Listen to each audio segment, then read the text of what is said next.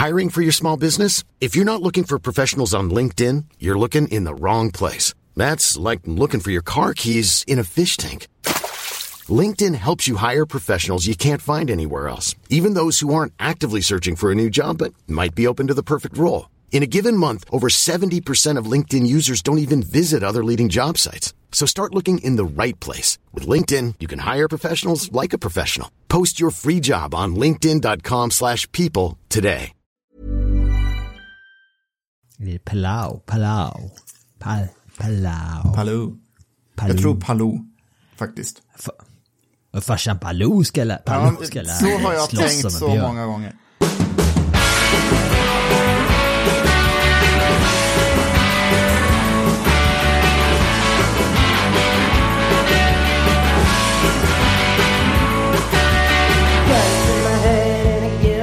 Guns in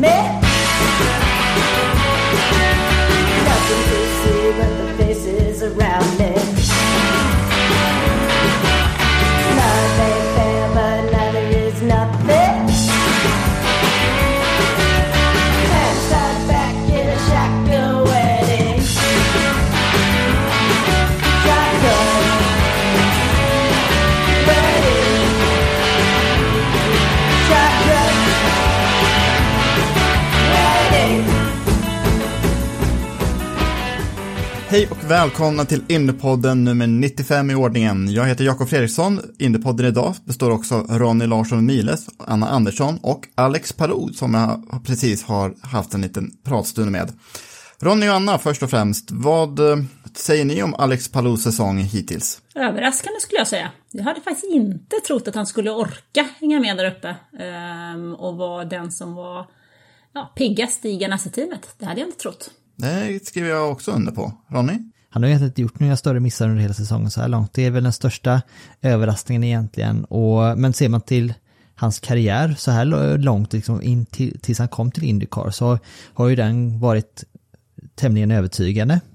Och så på så sätt med facit i hand så borde vi kanske inte varit så överraskade. Nej, när du säger så. Det är sant. Nej, men samtidigt så trodde ju inte jag, jag trodde ju inte på någon annan än Scott Dixon. Jag trodde faktiskt att Dixon skulle eh, knipa till det här igen för att ta den där totalsegen som han vill lägga till sina tidigare liksom. Så han blir eh, extra historisk, för historisk är han ju redan. Eh, så jag trodde liksom inte att han skulle ge det lilla extra utrymmet för någon annan i teamet. Eh, men det är ju faktiskt så att det är två gossar till i det där teamet som har varit riktigt bra. Vid sidan av Palou har jag faktiskt också Max Eriksson gjort en jättebra säsong, framförallt på road courses och street courses. Ja, det är spännande dynamik in i Chip Ganassi Race, eh, Chip Ganassi Racing just nu. Vi får lov att återkomma till Palou lite senare i avsnittet. Vi har lite annat att prata om. Vi kanske ska börja med att nämna Robin Miller, berömde journalisten som gick ur tiden tidigare i veckan. Ehm, Robin Miller var en cyklopedia kring Indycar-historia eftersom han hade levt allting själv. Hans origin story är typ att när han gick i skolan så skulle ja, hans skola skulle på klassresa. Men, men barnen med fattiga föräldrar fick, som inte kunde betala för sig för den här klassresan. De barnen fick eh, gå till Indianapolis Motor Speedway istället och spendera dagen. Liksom, det var ju bara ett stenkast bort. Och eh, Miller berättade inte för sina föräldrar att de sparade ihop pengar för en klassresa. Så han drog till Indianapolis Motor Speedway på, på um, skoltid. Och det här var väl slutet av 50-talet någon gång. Och där kom han ju att spendera ja, större delen av sitt liv. Det var väl inte så himla illa skolutflytt kan jag tycka. Det måste, det måste varit speciellt att gå i skolan mitt i Indianapolis. Ja men alltså beror gå i skolan mitt i Indianapolis och få tillbringa dagen där. En annan fick ju tillbringa friluftsdagarna liksom i Myrsjön och hur kul var det? Ja, precis. Men Robin ja. Miller vart ju en, beskrivit honom som en, en naturkraft egentligen och det var, han, han lät mest i paddocken, han backar aldrig för att säga vad han tyckte, vilket det har ju också varit någonting som i efterhand nu eh, i alla artiklar som folk som skrivit om honom och så att han vart ju väldigt, väldigt populär och omtyckt men också rört upp mycket känslor och många som varit arga på honom också genom åren och men det är ju också där han har vunnit respekten Eh, och som har som ge- gett honom den här särställningen inom, eh, in, inom amerikansk motorsport så, som journalist. Och Alltså att få, Marshall Pruitt skrev i, en artikel på Razer att han, det var omöjligt att få honom att klä sig som en vuxen utan det var bara liksom mjukisbyxor och t-shirts liksom. Så att NBC slet ju sitt hår för att få honom att se respektabel ut i sändning då. Han var den han var rätt igenom och både generös eh, med sin att hjälpa liksom folk som ja, bad om det helt enkelt och förmedlade kontakten för både förare och fans på olika sätt. Och, Ja men alltså en eldsjäl, verkligen. Ehm, han eh, sa ju själv många gånger om att han kunde inte gå i skolan och var inte så intresserad av akademiska saker. Men han kunde ju skriva mycket och han kunde göra väsen ifrån sig och han kunde ju nästla in sig där han väl försökte vara. Så på 60-70-talet redan, då var han ju springpojke åt några, inte de stora stallen, men till de, de här hårdnackade gammeldags gossarna som Jim Hurtubise och Lloyd Ruby. Lloyd Ruby var alltid Millers favorit. Eh, Miller själv körde lite Formel Ford, lite midget, men han kunde ju inte me- mecka någonting med bilar alls, så det gav han upp. Men han jobbade särskilt för Indianapolis Star, alltså Indianapolis största dagstidning, där han eh, sen fick sparken, för, just för att han var kontroversiell i si- sina utlåtanden. Eh, och sen så började jag med tv strax efter millennieskiftet, först på ESPN, deras program om eh, Indycar och om short track racing, dirt tracks och sprint cars och sådant. Och sen så hamnade eh, Robin Miller till slut på NBCs sändningar eh, när han fick göra sådana här gridwalks. Eh, den första gridwalken var visst på Iowa Speedway så sent som 2011. Eh, han och Dan Weldon som de kom faktiskt inte överens så bra för att Miller hade skrivit att Weldon var inte så bra på road courses. Men de eh, tillsammans då under sommaren 2011 så gjorde de uppskattade tv-inslag när de gjorde gridwalk. Så Weldon gick ju tyvärr bort senare det, det året efter den här olyckan i Las Vegas. That's what we're doing, Lindy. It's a pit walk, just like they do in Formula One. We're going to talk. Scott Dixon has never been back this far in his whole life, and I said you passed 10 or 11 cars the first lap. It's amazing the amount of uh, or, or kind of people you walk into back here. what, what are you doing back here? You must be out of breath, man. Come on. Okay, Graham Rahal went from 29th to 3rd at Indy, 12th to 2nd at Milwaukee. Tonight you're starting pretty far back. Where are you going to finish? I think we're going to finish right up front. We got a good car. The Service Central car is fast.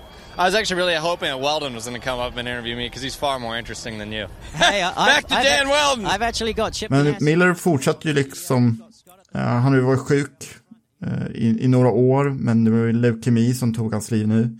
Han fortsatte ju skriva ända in sista veckan i, i sitt liv och han gjorde ju en sån här mailbag bara för någon vecka sedan på racer.com där han spenderade sina sista tio år med skrivandet då tillsammans med Marshall Pruitt.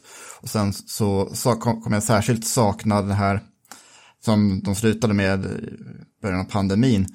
Eh, hamburger, hamburger, french fries and bacon, deras eh, ned, nedsnack efter varje träningsdag tillsammans med Sebastian Bourdais som var väldigt underhållande. Så det är en gigant inom sporten, trots att han aldrig körde Indycar-bil själv, som har gått bort. Jag tycker väl någonstans eh, Marion Dretti sa, om jag nu minns helt rätt, efter det att eh, Miller hade gått bort här, så sa han He called me a racer, I called him a racer. Vi, pratar aldrig, vi, kallar aldrig varandra för våra riktiga namn och det tycker jag säger rätt mycket. Vi hedrar det här, här avsnittet till eh, Robin Millers minne. Du nämnde Iowa där Jakob. Eh, nu är det väl så att det kommer komma tillbaka på kalendern, just Iowa Motor Speedway. Ja. På, nästa år redan. Yes, Åh, vad lycklig du blev! Ja, men det är, det är en bana som jag inte gillade när den dök upp på schemat, då, 15 år sedan typ. Men eh, ty, började tycka mer och mer om den efter, för varje år liksom. Och nu blir det en doubleheader igen på Iowa Speedway nästa år. Det är Hyve, nej, Highway kanske. Ett, en, Hu huvud det är väl finska va? Ja, precis. Men det här är ett företag från just Iowa som sponsrar Rahal eh, Letterman Lanigan som nu går in och sponsrar loppet på Iowa Speedway. Så det blir två lopp. Mitten av juli var traditionella datumet för ehm, Iowa för. Eh, Kalendern för nästa år är ju inte riktigt klar än. Jag tror till och med det är spikat till 23 juli för första racet på lördagen där och så 24 juli sen på söndagen. Så att den på lördagen heter HiVdeals.com 250 och den heter Far, eh, Hy-Vee Salute to Farmers 300. Okej. Till och med. De har till och med spikat namnen på de här, det är ju inte så, eh, ja det är ju bra. Nej, inte så illa. Vad tycker du, men du tycker det är roligt, vad är det som är, ja den är kort oval då, men vad är det som eh, gör den så rolig då? Eh, Däckslitaget såg vi förra året. Eh, mycket viktigt att hålla liv i däcken.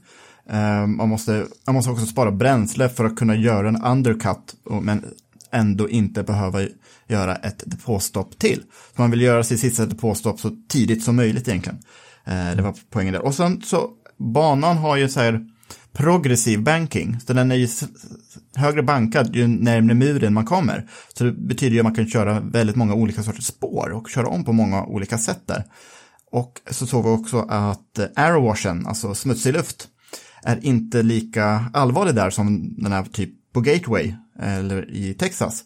Så det, blev ju riktigt rolig racing där många gånger. Bara hoppas på vädret den här gången, för jag minns väl, var var det 2019? När det regnade och blixtrade och jag tror jag satt en halv natt alltså vid köksbordet hemma hos min mamma. eh, Och väntade på det där racet som aldrig kom igång. Helt galet var det. Ja, det var väl en av de där berömda eh, maratonsändningarna som stackars Blomqvist fick göra. Ja, det var ju hur långt som helst. Det var, det var fyra, fem timmar, mitt i natten liksom. Och det bara, man såg de här eh, bilderna över hur eh, regnväderna förflyttade sig. Det påminner rätt mycket om det där F1-loppet vi missade i söndags. Precis, eh, ungefär lika lång sändning blev, blev det den gången. Fast det, det loppet fick de igång igen, men det var, jag tror att det var fyra timmars paus eller något sånt där. Det var i alla fall så pass att eh, vi till slut inte hade någon som kunde ta hand om texten, för det var tomt på redaktionen typ så här två timmar. eller någonting, så vänta ihjäl. Jag har suttit och väntat och väntat på det loppet, så när det väl var klart så kunde inte, kunde inte texten gå ut. Nej, precis. Eh, Men annars så har vädermässigt det här loppet fungerat rätt bra. Eh, Just 2019 var ju eh, det absolut värsta man kunde vänta sig. Men annars så kan jag inte påminna mig om några andra lopp som blev uppskjutna. Men det har säkert hänt, men det brukar vara ganska stadigt väder där i Iowa mitt i sommaren i alla fall. Ja, det var ju stadigt här också, ihållande regn. Ja, i och för sig.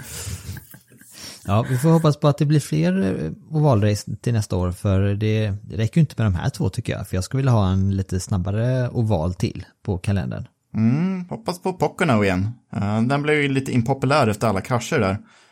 Särskilt 2018-2019. Men eh, det är ju en väldigt utmanande bana. Jag vet att det är Mario Andrettis favoritoval i alla fall. Så. Och hans ord bru- brukar ju väga ganska tungt.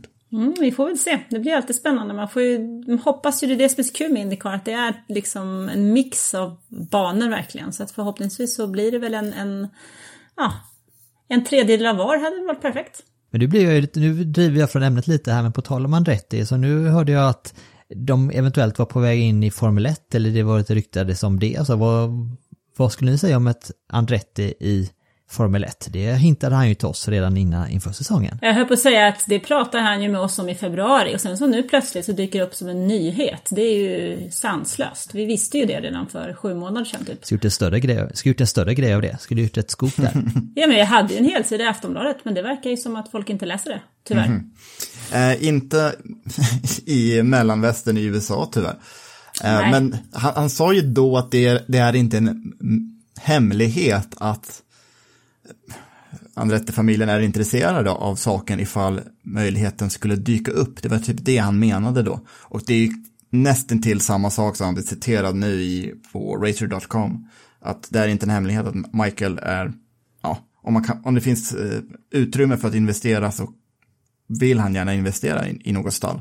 Och då är det väl förmodligen Haas då, som eh, är väl närmast att eh, säljas i, av Formel 1-stallen idag, sk- skulle jag kunna tänka mig. Jag tänkte då ett has som har Ferrari-motorer till exempel, eller ett nära band där. Det kan ju, med tanke på Andrettis historia eh, från att med Ferrari så är det klart att ett sånt band skulle kunna stärka sig ännu mer där. Det har ju varit som ett, ett eh, juniorteam till, till Ferrari. Det har varit, det har blivit ännu starkare tycker jag. Det är coolt. Ja, och med den eh, italienska historia som han har också så är det ju eh, fint att tänka. Men vi får väl se. Alltså Haas är ju alltid... Eh, Till salu. ja, men typ ja, men det, det är ju sådär att det är ju tufft att vara ägare, privatägare till ett F1-team. För du, du gör ju ingen vinst på själva teamet. Hur ska du kunna göra det? Du måste ju ha något annat också. Det har ju alla andra till och med. Vissa säljer ju till och med eh, läskedrycker höll jag på att säga. Och andra har ju sålt t-shirts under åren och blivit världsmästare. Så att eh, det är ju så det är. Du måste ju ha någonting mer. Ehm, så frågan är väl hur länge Gene Haas har lust att hålla på. Bara i år har han ju dragit in enorma summor i sponsorspengar om man tittar på den föraruppsättningen som han har.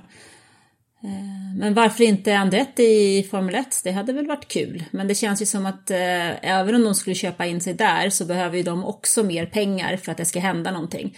För att eh, det är väl ingen som vill köpa in sig i någonting som, som eh, går liksom hänger med längst bak. Samtidigt så är det ingen av oss som överhuvudtaget vet vad som händer nästa år. Med tanke på att det är den största regeländringen som jag kan minnas eh, i Formel 1 i alla fall. Och jag har ju sysslat med det där i alla fall sedan ja, millennieskiftet. Eh, och tittar vi tillbaka, jag såg en intervju med Adrian Newey och han menar på att det är den största regeländringen sedan 1983. Så att eh, då kommer det att hända en hel del och vi vet ju av erfarenhet att inför sådana stora regeländringar så finns det inga regler egentligen för vem som är bäst. Så du menar att, att investera under 2021 är en dålig idé? Att man ska vänta ett år tills man ser hur... Nej, det ska man ju kanske egentligen inte göra, men man ska ju, om du ska investera i år så måste du investera så pass att du har koll på vad de har och om de har någonting som skulle kunna gå 2022. Förstår. Ser man att de liksom, alltså ser man att, jag menar har du en, en eh, Ross Braun, Braun GP, han hade ju någonting, han betalade en pund för det där teamet. Men han visste ju vad som fanns bakom. Vet man att ha, Haas har någonting som skulle kunna ge någonting och det liksom, då kan det vara en bra investering att göra. Men är det så att Haas är på sån jäkla dekis att de inte ens har hunnit börja fundera på nästa år, vilket jag för sig inte tror. Eh, för jag tror att de, de har liksom lagt all fokus på nästa år. Men man måste ju ha lite koll på om man stoppar pengarna. Man kan ju inte bara köpa, oh det där var ett billigt stall, de är inte salu. Man måste lite koll också. För att det är ju så att man måste ju få någonting ut av det. Och för att få någonting ut av det i Formel 1 så måste du ju ta en plats bland de tio främsta. Annars så är det inte så lätt. Jag vill minnas att när Haas skulle gå in i Formel 1 så vart det väl lite prat om just om att, ja men Gene Haas, eller Haas som varumärke är ett starkt amerikanskt varumärke som skulle kunna locka en större publik i USA, ett intresse kring Formel 1 eh, som skulle kunna växa ännu mer och så. Men om du jämför Haas då med varumärket Andretti så är ju Andretti ett eller två trappsteg ytterligare på popularitetsskalan. Så Ja, ja, det finns säkert ett, någon annan, ett annat storföretag i USA som skulle kunna tänka sig att gå in och sponsra ett och finansiera en, en sån satsning och då kan jag tänka mig att vi kommer garanterat få se en amerikansk förare, kanske till och med Colton Hurta skulle jag vilja säga, eh, i Formel 1 om ett par år i så fall om det skulle vara så. Och vi, får, vi har väl anledning att återkomma till det, även en Indypod, huruvida Andretti ska komma till Formel 1. Precis. Ja, men det, det är en jätterolig tanke att leka med, men så har ju Andretti-stallet Indycar haft lite svårare än typ Ganassi och Penske att locka till sig stora sp- sponsorer. Nu är DHL på väg ut.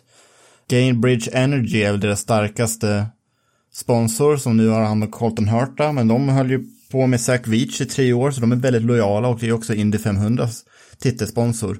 Men det är också bara ett amerikanskt märke. Liksom. När, man, när man behöver sponsorer till Formel 1 så behöver man ju internationella sponsorer. De är ju inte bara intresserade av att, ha, ha, att sponsra när det är världsmästerskap för en marknad, alltså den amerikanska marknaden. Så det är, det är, det är väldigt knepigt för amerikanska investerare att satsa på just Formel 1. Fast å andra sidan så Andretti är ju ett namn som, skulle fun- som funkar på andra ställen på jorden i förhållande till Haas. Sen, sen ska man ju heller inte underskatta Liberty Media. För att de jobbar ju, de är ju amerikaner, de jobbar ju stenhårt för att komma in ordentligt på den amerikanska marknaden. Eh, alltså hela den här Netflix-grejen som har gjort F1 ännu större. Det är ju massor med folk nu som tittar på F1 som aldrig har brytt sig förut och det är ju tack vare Netflix. Så att den har kommit är ju tack vare Liberty Media. Så att det finns ju en massa tåtar att dra i, så man ska väl aldrig säga aldrig. Det enda är ju att det är, det kan ju som, som jag sa, det kan ju vara smart att investera i år om man vet att de har någonting, men man måste ju ha björnkoll på vad du får. Mm. Du måste ju veta vad du stoppar dina pengar i, för F1 är ju någonting som kostar enorma sum summor, budgettak eller inte. Och det där ser man ju. Titta bara på alltså Red Bull, hur de har valt sina förare under åren. Eh, Alex Albon, den är ju en typisk eh, investering ägarmässig för att du har eh, thailändsk familj där. Under den tiden som de plockade Daniel Ricciardo så gick de samtidigt och lanserade en massa drycker i, i Australien där de inte hade sådär vansinnigt stor marknadsandel. Så att det har ju mycket med sådana saker att göra också. Naturligtvis. Andretti energidrycken. Mm. Det skulle inte få mig att börja dricka energidryck, men det, det har ju varit en ma- marknadsidé som fungerat för motorsporten i alla fall. För eh, energi, energidrycksbolagen gillar ju att mark- marknadsföra sig genom motorsport och det verkar ju att många har, har fått bättre varumärken i och med det, så varför inte? Haas har ju gjort vissa eh, erfarenheter där med energidrycker som de kanske hellre hade varit utan. Jag tänkte faktiskt på Rich Energy. Den var ju en kalkon. Ja,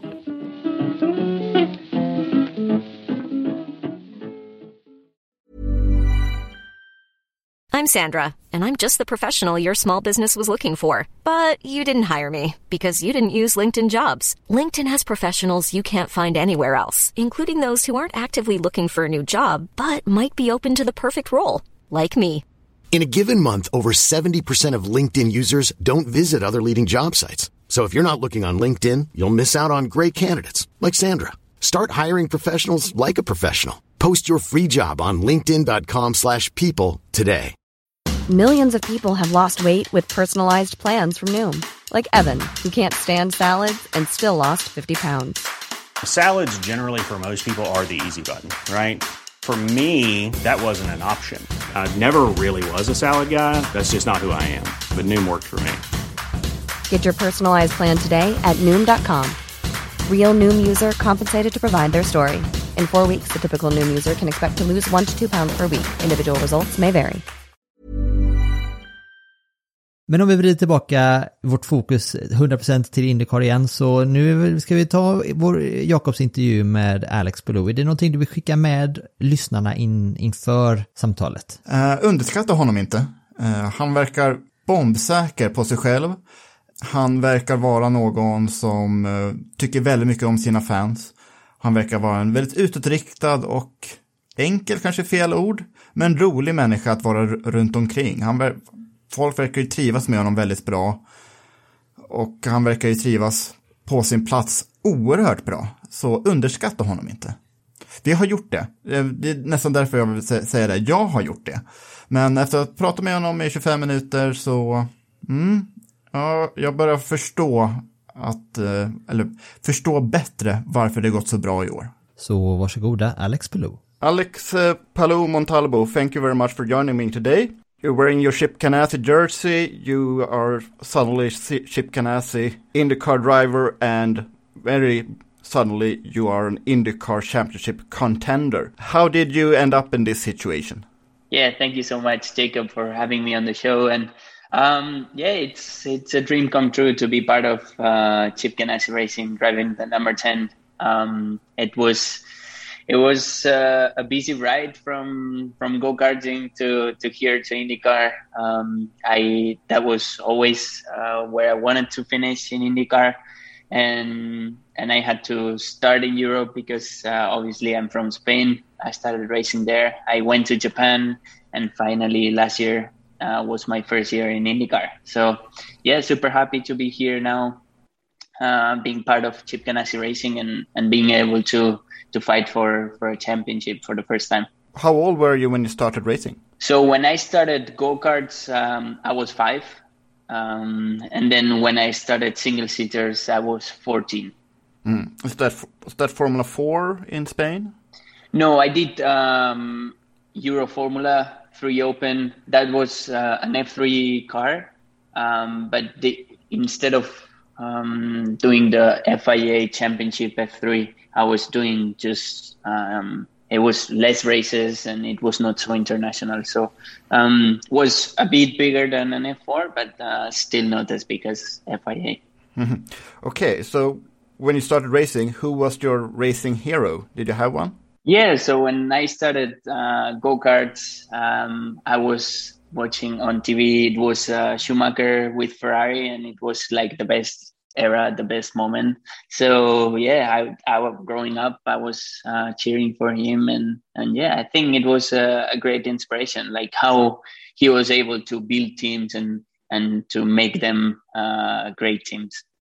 So you were cheering on Schumacher when Fernando Alonso, Yeah, and and he had had their duels. yeah. So you not a, not an Alonso fan.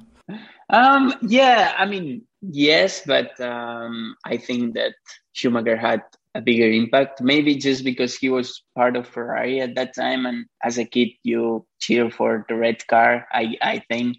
Um, so yeah, I I I still think that uh, Alonso is going to be one of the greatest um, drivers in the history, not only on his era. Um, and and I'm really good friends with him now. But uh, Okay. yeah, uh, when I was a kid, it was Schumacher. Okay. So since you're battling for the IndyCar Championship now, were there any expectations on you that you would fight for wins uh, before the season began? Because I think it, it's I, I can say that with some confidence that you surprised many by winning in Alabama and then winning at Road America. So are the, the expectations on you different now compared with before the season began? Um, no, I don't think so. Yeah, I'm, I'm, I agree with you that uh, we made some surprises. I think that um, when Ganassi announced that we were going to join the number 10 crew, um, there was some people that was like, ah, I don't have full confidence. But um, yeah, I think that the team helped me a lot. The teammates helped me a lot to, to grow up and, and try and be fast and consistent. And I knew that being part of, of Ganassi and, and a big team means that um, they are going to give you all the tools and, and the car, the team, the engineers, the mechanics to, to try and win the races and, and then fight for championships. So I knew that was the that was the plan for and the target for this year. Obviously, in IndyCar and in every um, championship, you know, it's always going to be difficult and you always going to have some very good moments, bad moments. But um, I think this year we we've been super consistent. Uh, we we did like six podiums, so we were always fighting for, for races, and, and now we, we have this opportunity of trying to to win the championship with three races to go, and we'll try and go for it. So, what does Scott Dixon think about your progress? Is he kind of jealous that he, you are in front of him in championship, or what's your relationship with Dixon? No, he's uh, you probably know from Felix and Marcus, but he's he's an amazing person, uh, an amazing teammate. Um, I think he he he already showed everybody that he's uh, probably the best IndyCar racer that's been around, uh, winning chi- six championships in different eras and and and always um, being in front of teammates that um, he's not afraid. So the championship is not over yet. Um, I think he's happy that um, that this this year together with Marcus we're pushing him because um, he pushes us, we push him again, and that only grows the team. So that makes the team really strong. Like we saw this year, having three cars in the top five in the championship. So um, I think he's happy. He knows he can uh, still win this championship, and he's gonna go for it. So that means no team orders. No, no team order. So I one of the only order that uh, Ganassi has is that there's two two rules. One, there's no team orders, and the second one is that uh, he, doesn't want us to hit our teammates. So um, yeah, there's no team orders. I think Ganassi would be uh, super happy if I win, if Dixon wins, or if Marcus wins. But um, he wants one Ganassi car to, to win, and uh, all the drivers want too. So uh, we're gonna try and, and make that wish uh, come true. So, what kind of teammate is Marcus then? Marcus is is really good as well. So I I didn't really meet a lot Marcus last year because being in different teams and and with COVID restrictions, we couldn't really like meet other drivers uh, on track. But this year it's been super good. Um, we share tracks together, so uh, we like our office where the drivers' office are uh, are the same, so we share. Um, and and he's a really good uh, normal person, but then as a driver, um, he he really pushes us, and and it's been great this year. I think he had some bad luck this beginning of the year, uh, where the results were not coming. Like he was always super fast, but on the races he didn't have the result. And then I think from mid season to till now he's been uh, really consistent and showing all the results. So I'm super happy for him. Um, and yeah, he's he's always super fast, which is great to have. I there's some people that think that having a really good and great fast teammate it's not good, but um, at the end of the day, it's the best because pushes you, pushes the engineers, and that just gives you more chances to try and win. Uh, but you haven't won since Road America four races ago. That doesn't sound too bad, but you have had two very rough races at uh, Indianapolis, and at Gateway. First of all, what happened at uh, Indianapolis when the en engine let go? Yeah, so uh, unfortunately, yeah, we had couple of bad races, but um, nothing we could do about. Indianapolis. I think we did a great a great job. Um, we started, I think P6 or P7, which is okay, not super bad, not super great, um, and we made ourselves uh, to top four. So it was it was a good race. Like we were overtaking our competitors on track. Um, we did great strategies and we had a great pace. And on the last uh, on the last ten, we had like those sticker reds. Um, not nobody had, and we were super fast catching the podium. I thought we were gonna have a shot, and then uh, yeah, we had an engine failure that uh, we couldn't do anything about, and it was a shame because not only we lost um, that fourth place, but we also had a great penalty at Gateway. So the engine failure did not come from you pushing the, the engine too hard or something like that? No, I think nowadays on the engines, um, we have so many electronics that it's it would be super hard for a driver to to cause an engine problem. Yeah, you mm. could do something super crazy, but um, but yeah, you would have to do something crazy on the limiter or something like that. Like driving fast, you cannot uh, blow up an engine these days. Mm. Not the Maverick Vinales situation then. No. no. but Gateway then, you were wrecked quite badly by Rinus VeeKay. Did that not piss you off? Yes, of course. Um, a lot, a lot. Um, I think Indy, when it's something you cannot do about and it's part of racing. You yeah, you get pissed because you lose a lot of points, but it is what it is. Then Gateway, we started P21 because of the engine penalty. We made ourselves to top 10 in like 60 laps, which was a really good move. And then suddenly we got hit for no reason. I mean, um, if if you get hit on racing because you're battling hard and you're trying to overtake or you're defending, I, I, this is what happens in racing, right? Like we're going 100%. But when the other driver doesn't have a chance to overtake because I was on the outside, Dixon was on the inside, like there was no room in between. Like he was, he had no room to to overtake. Uh, it was a shame that he was trying so hard, but uh, yeah, it is what it is, and nothing I could have done differently. Don't you think doing a mistake like VeeKay did is that not easy to do in those restart situations? Don't you feel for him that he did that kind of mistake? Um, I mean, yeah, we are racing Indy cars on an oval going 200 miles an hour. So yeah, mm. it's it's easier to have a mistake like that on on an oval, on a short oval, on a restart. He was the only one making that mistake, right? So um, I mean, yeah, it's it's part of racing, but at, at the same time, uh, what I said before, it's he was not trying to overtake. Uh, he had no room to to go. Like it's not like we could go three lines or or he could go on the inside and um, he had nobody on the rear he had a gap of like three cars so he was not defending either i think he made a mistake but um, i mean sometimes you can avoid mistakes um, that cost a lot of points for for the same team like it was also a bad thing a bad luck for us that we had two chip ganassi racing cars um, together so um, yeah, I I don't think he mm-hmm. he should do anything differently. He he, it's okay. It's a mistake. Um, I'm not saying that he's um, a terrible driver or a dangerous driver, but on that mistake, yeah, that's a mistake, and and I think um, you you should not do that. But I mean, maybe next time it's me, and and it is what it is. Like that's part of racing. But um, but yeah, that was a mistake, and I don't think it was part of of that restart. Mm.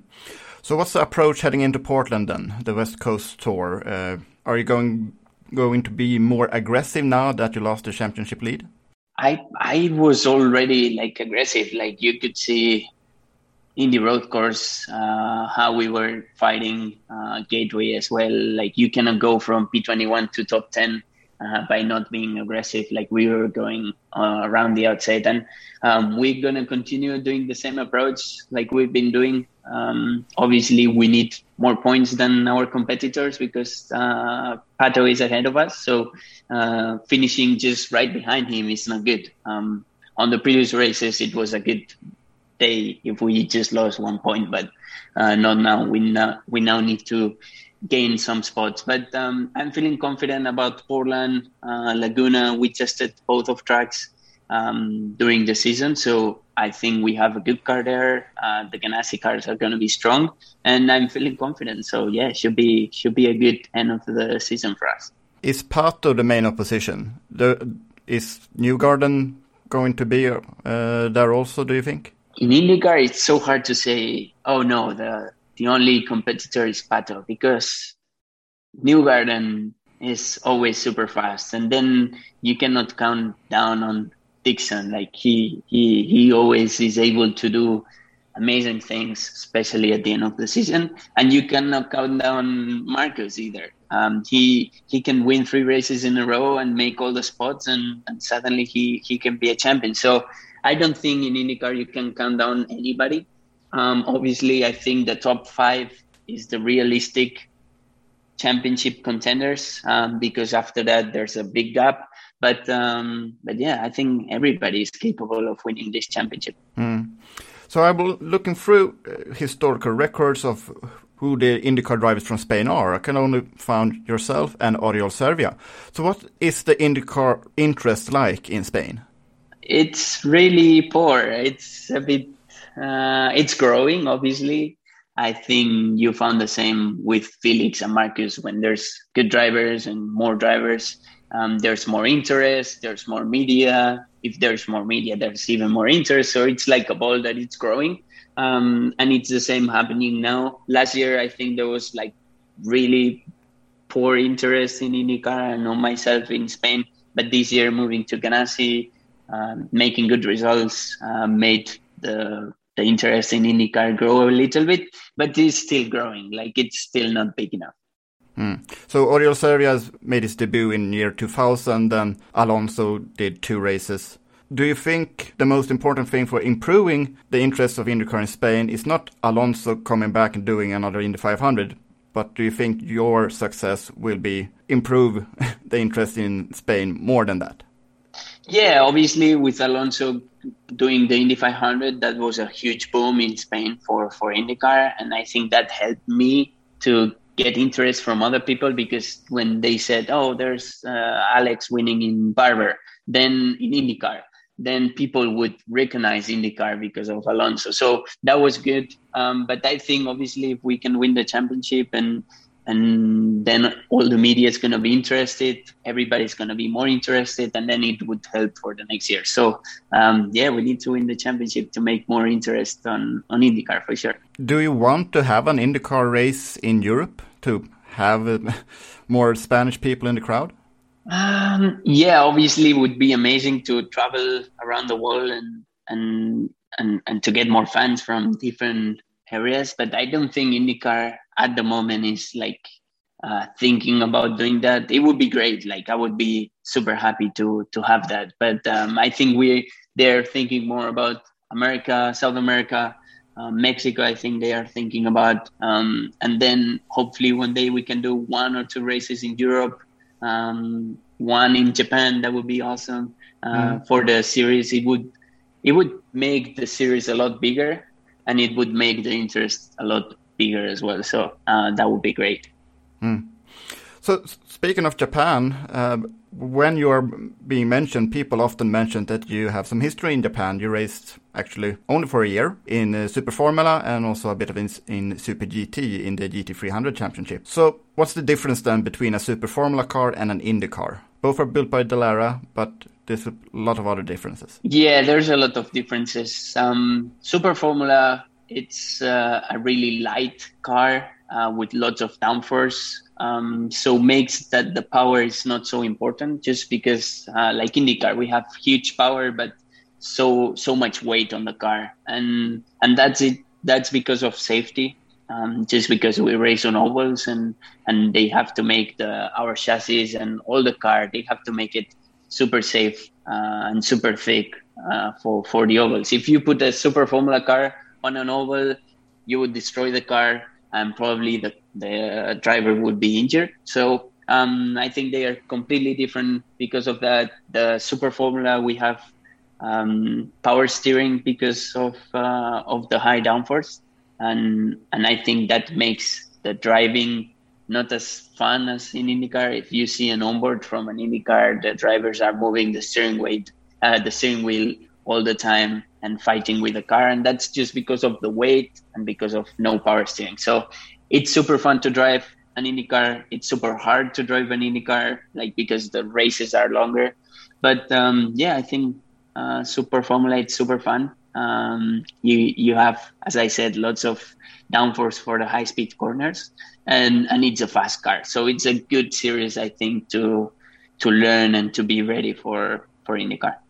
Okay, but even though they are so different to drive with high downforce versus low downforce, but more power. Uh, but what is the culture differences then? I think Japanese fans are are something very very special. Yeah, yeah. Culture, obviously, it's it's a big change. Um, I was super happy in Japan. Um, it was obviously hard for a new uh, European to live in Japan just because of the culture. It's so different that uh, you need to get used to that. But I had lots of fun. I learned a lot personally, and the fans are great. They have tons of fans. I don't know how it's possible that uh, the Super Formula and Super GT races we have so many fans there. Like we used to have fifty thousand people, and that's I think insane for for uh, um, a championship that only runs in Japan. So it was great time with them. Um, they they still follow me here. I think I even have sometimes more Japanese fans than than Oh. Spanish fans. So they are also super loyal. That even if I'm not racing in Japan anymore, they would follow me uh, here in the states. So um, yeah, I had I have some really good memories from Japan. Mm, sounds fantastic, and uh, hopefully you get more Swedish fans also also now. Yeah. Uh, but uh, just three races to go, and it's going to be very very exciting. So, would you bet money on yourself now? Yeah, of course I would. And we have a good car, and and we are we are always strong. So um, I think I think we can have a, a great shot to to this championship. Mm. So, thank you very much for talking to me, Alex. Uh, best of luck in the future, and to the whole whole team, not just uh, uh, Scott and Marcus, but also to your to your other team, Jimmie Johnson, who is testing the the. Um, at Texas Speedway for an IndyCar and a Yeah. normal for the, for the first time. How do you think uh, that that will go for him? Yeah, I, I think he's going to be excited because Texas is, wow, I think Texas is one of the hardest oval tracks for an IndyCar and it's super fast and I think he's going to love it. So I think in an hour or two, I'll, I'll call him to see on midday how he feels um, and ho- what he thinks and, and let's see what he says. But I think he's going to be super excited. Yeah, send the best of regards from Sweden also then. So thank, you very you. much and uh, have a great day. Yeah, thank you so much for having me. Det där var alltså Alex Palou, mina damer och herrar, och med det så är det dags att avrunda veckans avsnitt av Indupodden. Eh, nästa vecka är det ju racevecka igen, eh, då vi ska till Portland. Eh, du- du, Anna, du tycker inte du att det är lite intensivt nu här, som, även som F1-reporter? För det är ju fullt ös medvetslöst där också. Det är fullt ös ja. Förra, nu i helgen då så var det Belgien som regnade in och sen så till helgen som kommer så är det Sandfort tillbaks efter 36 år. Därefter kör vi min favoritbana Monza Och så blir det Portland och så är det sprint, F1 sprint samma helg och sen så fortsätter Indycar medan F1 tar lite break. Men nu är det fullt ös kan jag säga, plattan i mattan. Men det gillar vi, eller hur Jakob? Ja, nu funderar jag, är det MotoGP i helgen? Nej, det är det väl inte. Det är väl ett par veckor till Misano, sen Aragon. MotoGP är lite intressant, även om Fabio Quartararo börjar verkligen koppla greppet. Men jag är bara så glad att Andrea Dovizioso ska göra comeback på Yamaha på Misano. Det ska bli kul att se. Sen får vi inte missa 15 september heller när Formel 1 eh, gör, har en stor stund på Netflix. Det är ju dags för Schumacher-dokumentären. Just det. Och oavsett vad man tycker om Schumacher så är den säkerligen intressant att se. Uppesittarkväll tror jag nästan. Det är sällan jag eh, har sådana upp, uppesittarkvällar bara för en, en ny filmrelease. Men eh, den ska jag se så fort jag bara kan tror jag. Ja, det känner jag också. Samma här. Det är nästan bättre än Bingolotto, uppesittarkväll. Ja, och sen så finns det ju faktiskt även andra saker inom Indycar som jag sitter och väntar på. Kalendern för nästa år och sen ska Takuma Sato fortsätta. Vad händer med Ryan Hunter Ray? Eh, vad, händer, Vad händer med vad Marcus händer med? Marcus säsong? Kommer han klara topp 5? Kommer Felix Rosenqvist i sin bil klara topp 22 i mästerskapet för Leader Circle? Jag, jag är tämligen säker på det, för det är lite oklart huruvida Ray Halls tredje bil faktiskt räknas in i Leader Cir- Circle. Vi får återkomma till det, så det finns mycket att prata om i nästa Indiepodden också, ska ni få höra. Ja, det är som du sa redan också, vad händer med Marcus Eriksson? Det är just det att vi går och väntar nu på att få någon bekräftelse därifrån hur hans 2022 kommer se ut. Det är med, det är med. Han var tyst i telefonen. Svarar inte på Ja. Jag får sparka, jag får sparka på honom lite. Sparka på så får vi se om vi har något nytt till nästa vecka helt enkelt. Mm, jag gör det direkt. Ja, det är bra. Tack till våra samarbetspartners Automotorsport och TickRacingHop.com och glöm inte att ni alltid har 20% rabatt i webbshoppen på stefanjohansson.art när ni använder rabattkoden Indiepodden. Tack Anna och Jakob för den här veckan. Tack Ronny, tack Anna. Tack Ronny, tack Jakob.